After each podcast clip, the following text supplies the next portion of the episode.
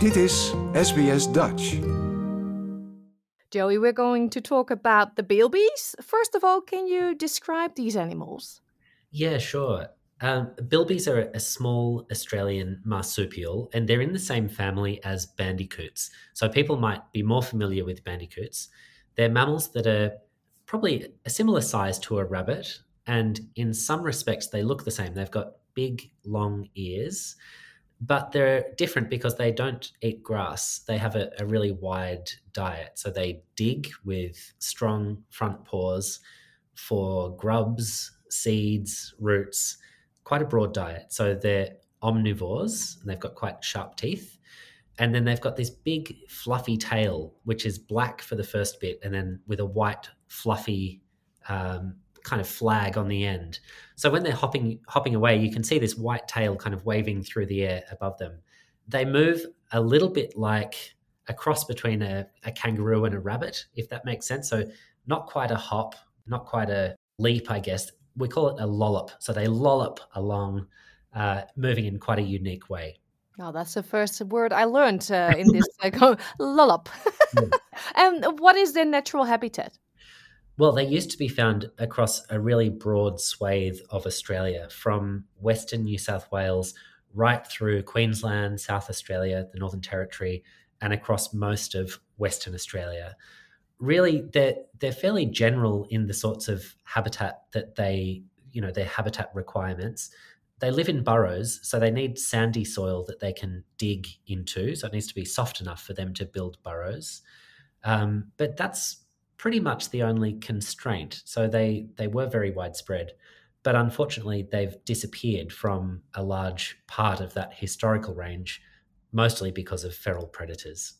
That was my next question because it is a fact that uh, over the years the population have shrunk dramatically.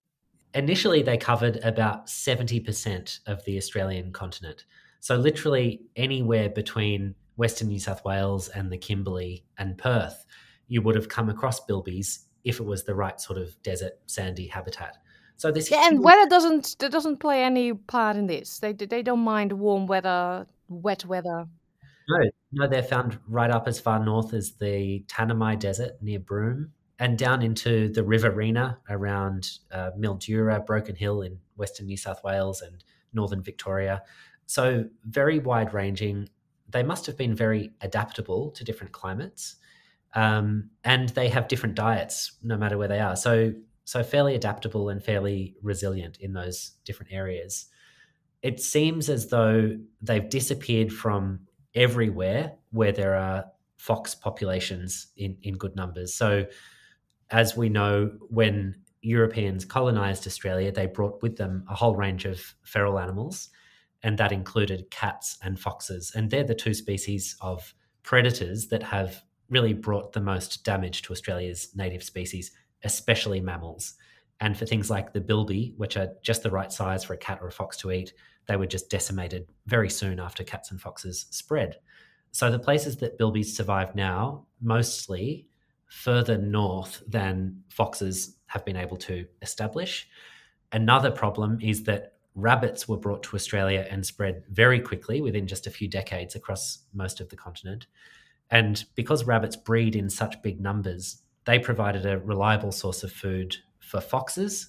So, kind of the, the rabbits spread first, the foxes followed them and colonized huge areas of Australia very quickly. And then, when the rabbit numbers collapsed, foxes switched the prey species they were eating. So, instead of rabbits, they started eating the native animals, and that's things like bettongs and bilbies and bandicoots. And before long, there were a couple of dozen species of those mammals had gone extinct. Yeah, well, thank God for organizations like the Australian Wildlife Conservancy because you're trying to save these species. In wildlife sanctuaries, what is it? Is it just a big piece of land where they can live freely, but it is all fenced off? Yeah, that's right. So, our organisation, Australian Wildlife Conservancy, runs a really large network of non government conservation areas that we call wildlife sanctuaries. The area we work across now covers almost 13 million hectares, so about twice the size of Tasmania. And on many of these sites, we establish fenced safe havens. So, these are feral predator free areas with quite serious infrastructure in terms of fencing. So the, the fences that we need to build to keep out cats and foxes are about six feet high. They're electrified. They run 7,000 volts around the outside. And they also have a floppy top, so a kind of overhang at the top of the fence so that uh, animals can't climb over. Into these safe havens, we can then, you know, first of all, get rid of the cats and foxes and then re-establish populations of native species that would have been there originally. And that includes things like the bilby. So we've now established bilby populations within these fenced safe havens across six different sites on mainland Australia. And they do really well in the absence of cats and foxes, so they breed up quite quickly. Yeah, because that's great news this week. Um, you do an annual count, like a census, and it's a record population, right? It doubled compared to last year. That's right. So, science is really key to everything that we do, and we monitor each of these reintroduced populations very closely. Over the last few years, we've started to collate our bilby population estimates into an annual census that we release around Easter time when there's so much attention on the bilby. And this year, we're really, really pleased to see that the latest estimate is more than double the 2022 estimate. So this year, across those six sites, we now estimate there are over 3,300 individual bilbies across our sanctuaries. And that's a fantastic result because this species in total you know, one estimate about a decade ago was that there might have been only 10,000 left in the wild. So we're making a really substantial contribution to not only stopping the species going extinct, but also restoring it to the landscapes where it plays an important role. Yeah. Is there an explanation why the population has doubled compared to last year? Because 2021 and 2022, you counted only 200 more. And this is such a huge jump in numbers. Yeah, there's probably a few things contributing to that. One is that we've established a completely new population at Newhaven in Central Australia. You know, that's a 10,000 hectare fenced area. At the moment, well, last year we introduced 66 animals as part of the founder population we expect that to grow much bigger, probably well over a thousand animals there. So there's still still space for these numbers to expand, even within the existing safe havens. So establishing new populations is one thing.